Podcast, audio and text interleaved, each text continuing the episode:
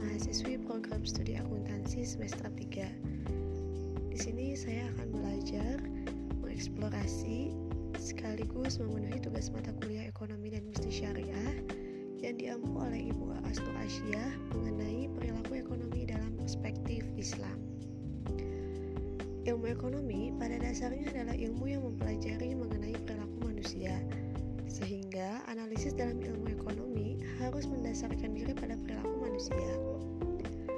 Ilmu ekonomi menggunakan model perilaku manusia yang disebut Homo economicus, yang menyederhanakan perilaku manusia sebagai individu ekonomi yang memiliki sifat perfect self-interest, perfect rationality, dan perfect information. Sedangkan bagaimana sih sifat manusia dalam Islam? Sifat egois, mementingkan diri sendiri tanpa mengorbankan kepentingan orang lain, kepentingan pribadi yang tercerahkan, dan pengorbanan diri atau kebajikan. Tahukah kalian bahwa Adam Smith menganggap bahwa sifat-sifat manusia yang serakah, egoistis, dan mementingkan diri sendiri itu tidak negatif, tetapi justru sangat positif. Hal ini dikarenakan dapat memacu pertumbuhan ekonomi dan pembangunan secara keseluruhan. Sifat egoistis manusia ini tidak akan mendatangkan kerugian dan merusak masyarakat sepanjang adanya persaingan bebas. Ekonomi Islam dibangun atas dasar aksioma atau keyakinan-keyakinan yang menjadikan dasar perilaku manusia, yaitu kehidupan yang sesungguhnya adalah akhirat. Kehidupan akhirat merupakan akhir pembalasan atau pengadilan kehidupan di dunia. Pemikiran akal manusia adalah terbatas, serta sumber informasi yang sempurna hanyalah Al-Quran dan hadis. Dalam perspektif Islam, kebutuhan ditentukan oleh konsep maslahah.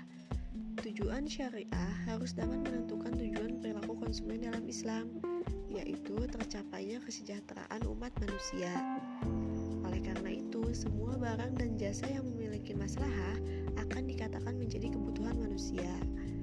Masyarakat yang mendasari perilaku konsumsinya berdasarkan keinginan akan menimbulkan konflik antara kepentingan sosial dan kepentingan pribadi. Ada beberapa tingkat kebutuhan dalam Islam. Pertama, kebutuhan daruriyah, yaitu kebutuhan paling utama dan paling penting agar manusia dapat hidup layak yang apabila tidak terpenuhi akan mengancam kehidupan manusia di dunia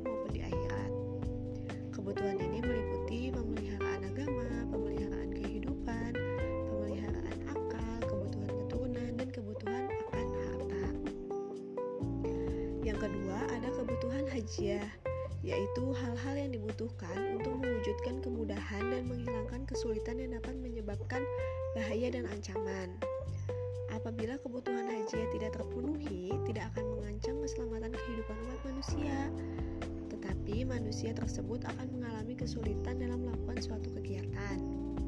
Dan yang terakhir, ada kebutuhan tahsaniyah, yakni melakukan kebiasaan-kebiasaan yang baik dan menghindari yang buruk. Kebutuhan ini muncul sebagai pelengkap setelah kebutuhan daruria dan kebutuhan haji terpenuhi. Dalam konsep maslahah, kriteria keputusan-keputusan terhadap konsumsi bersifat tetap untuk setiap individu. Maslahah individu akan sejalan dengan maslahah sosial.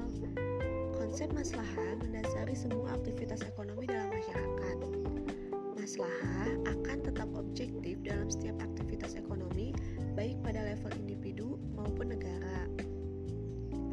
Fokus perilaku konsumen adalah bagaimana individu membuat keputusan untuk menggunakan sumber daya mereka yang telah tersedia untuk mengonsumsi suatu barang.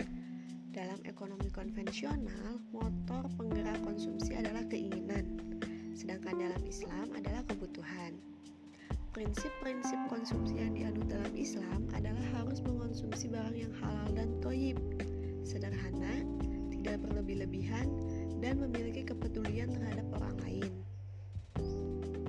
Dalam Islam, diterapkan yang namanya zakat sebagai tabungan.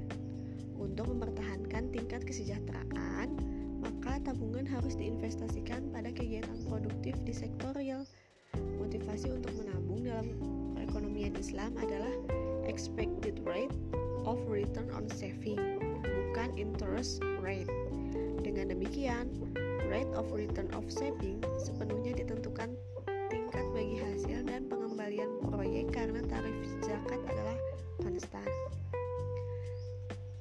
Sekian dari saya, semoga apa yang saya sampaikan dapat bermanfaat khususnya untuk saya dan umumnya untuk kita semua. Mohon maaf apabila ada kesalahan baik dalam penyampaian atau kata-kata. Wassalamualaikum warahmatullahi wabarakatuh.